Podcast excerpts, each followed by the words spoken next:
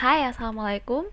Buat kamu yang udah klik podcast ini, makasih banget dan permisi numpang cerita.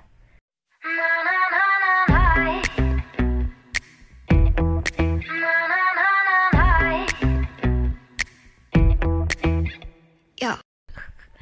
Selamat datang di permisi numpang cerita. Gimana Idul Adha kamu tahun ini?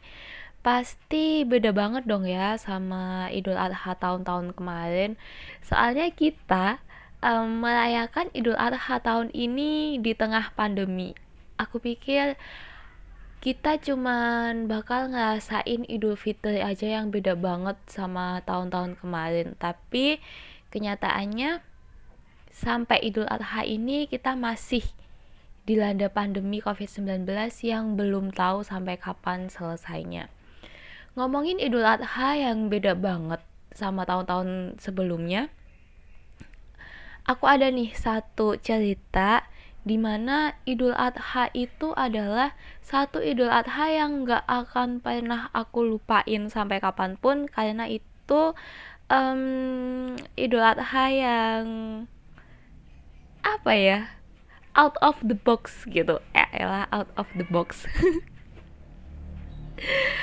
jadi gini aku masuk kuliah itu tahun 2017 dan di tahun pertama aku kuliah aku ngerasain di mana Idul Adha nggak sama keluarga jauh dari rumah dan di tempat yang masih asing buat aku saat itu.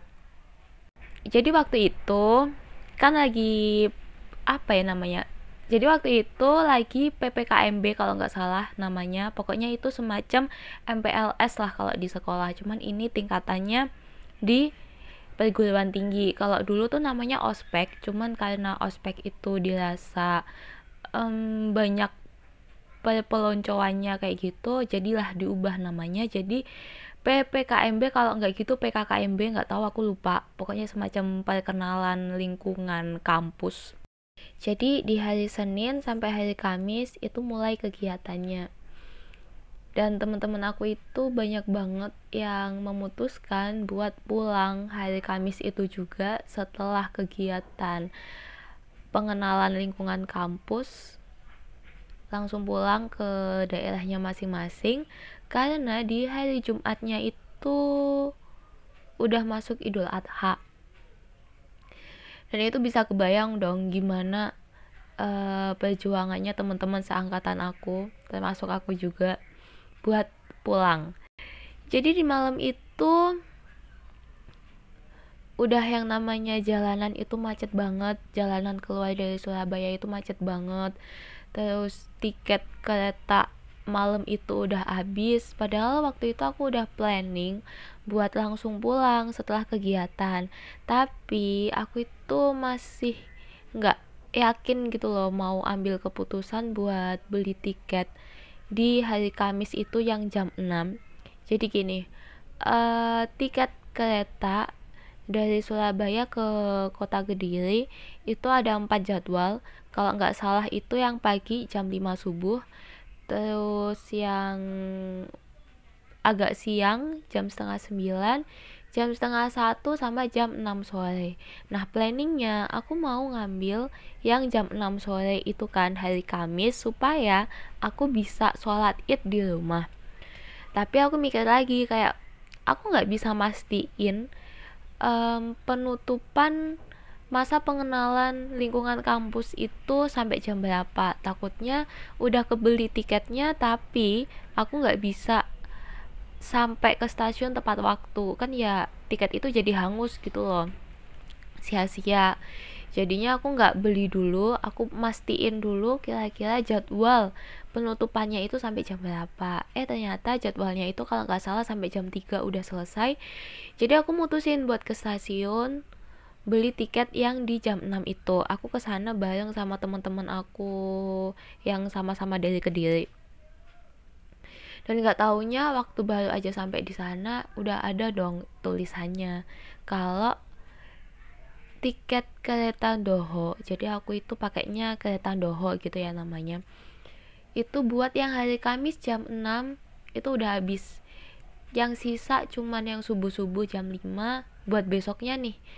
Buat hari Jumat itu subuh-subuh jam 5 masih ada. Dan yang jam setengah 9 itu juga masih ada.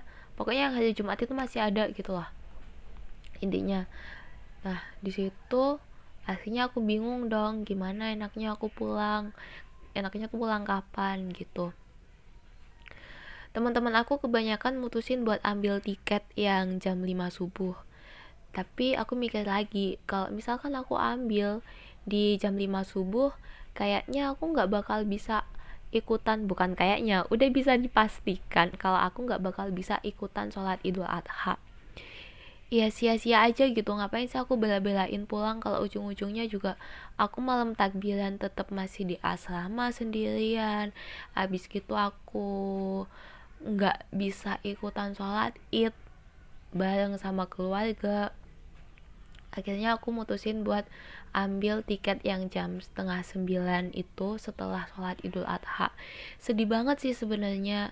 Dan uh, waktu itu aku udah sempet kayak nangis gitu gara-gara aku nggak dapet tiket yang jam 6 sore di hari Kamisnya. Tapi untung aja ada satu temen aku namanya Laili. Makasih banget Lai. Waktu itu udah mau nemenin aku buat ambil tiket yang jam setengah sembilan ketika temen-temen kita ambil tiket yang jam 5 subuh.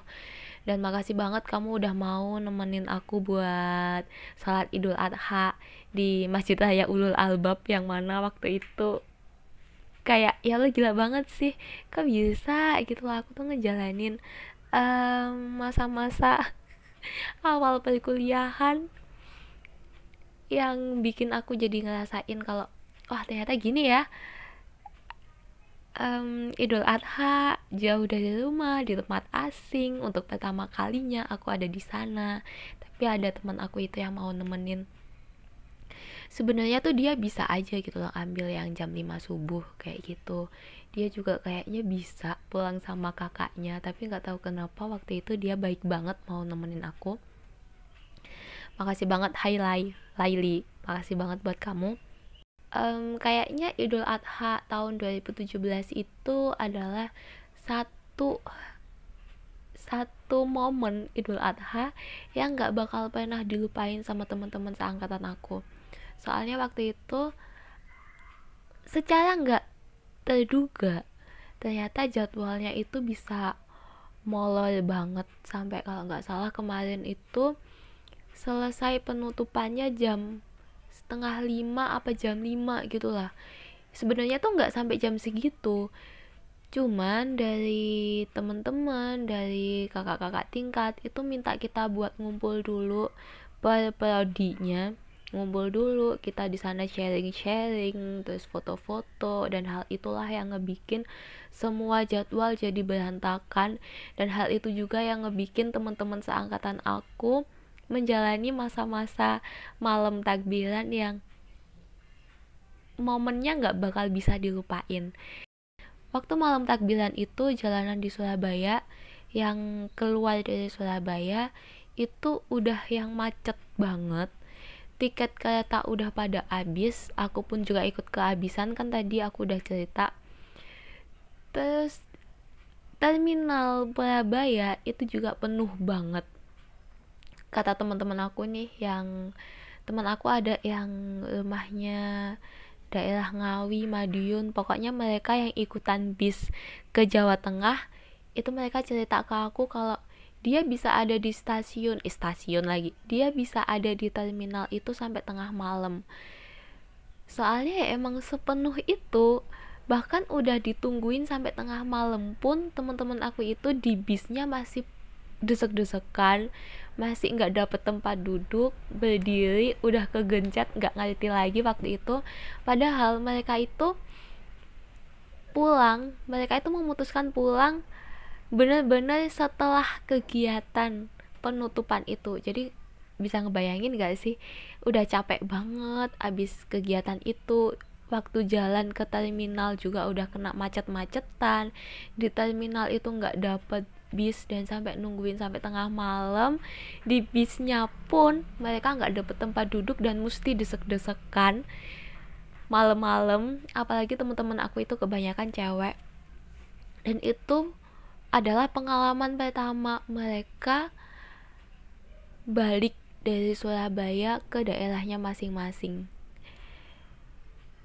Itu gila banget sih. Jadi aku waktu itu lumayan bersyukur bahwa aku nggak mengalami kejadian-kejadian kayak teman-teman aku bahwa aku akhirnya memutuskan buat ya udah deh nggak apa-apa aku malam takbiran sampai sholat idul adha tetap di asrama meskipun sendirian tapi aku nggak ngerasain capek yang luar biasa itu.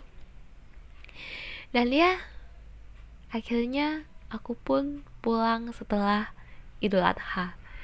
Dan sampai sekarang momen-momen itu tetap jadi cerita-cerita yang masih seru banget buat dibahas sama teman-teman aku seangkatan. Karena tiap teman-teman aku itu punya cerita yang beda-beda waktu pertama kali pulang setelah masa pe masa pengenalan lingkungan kampus.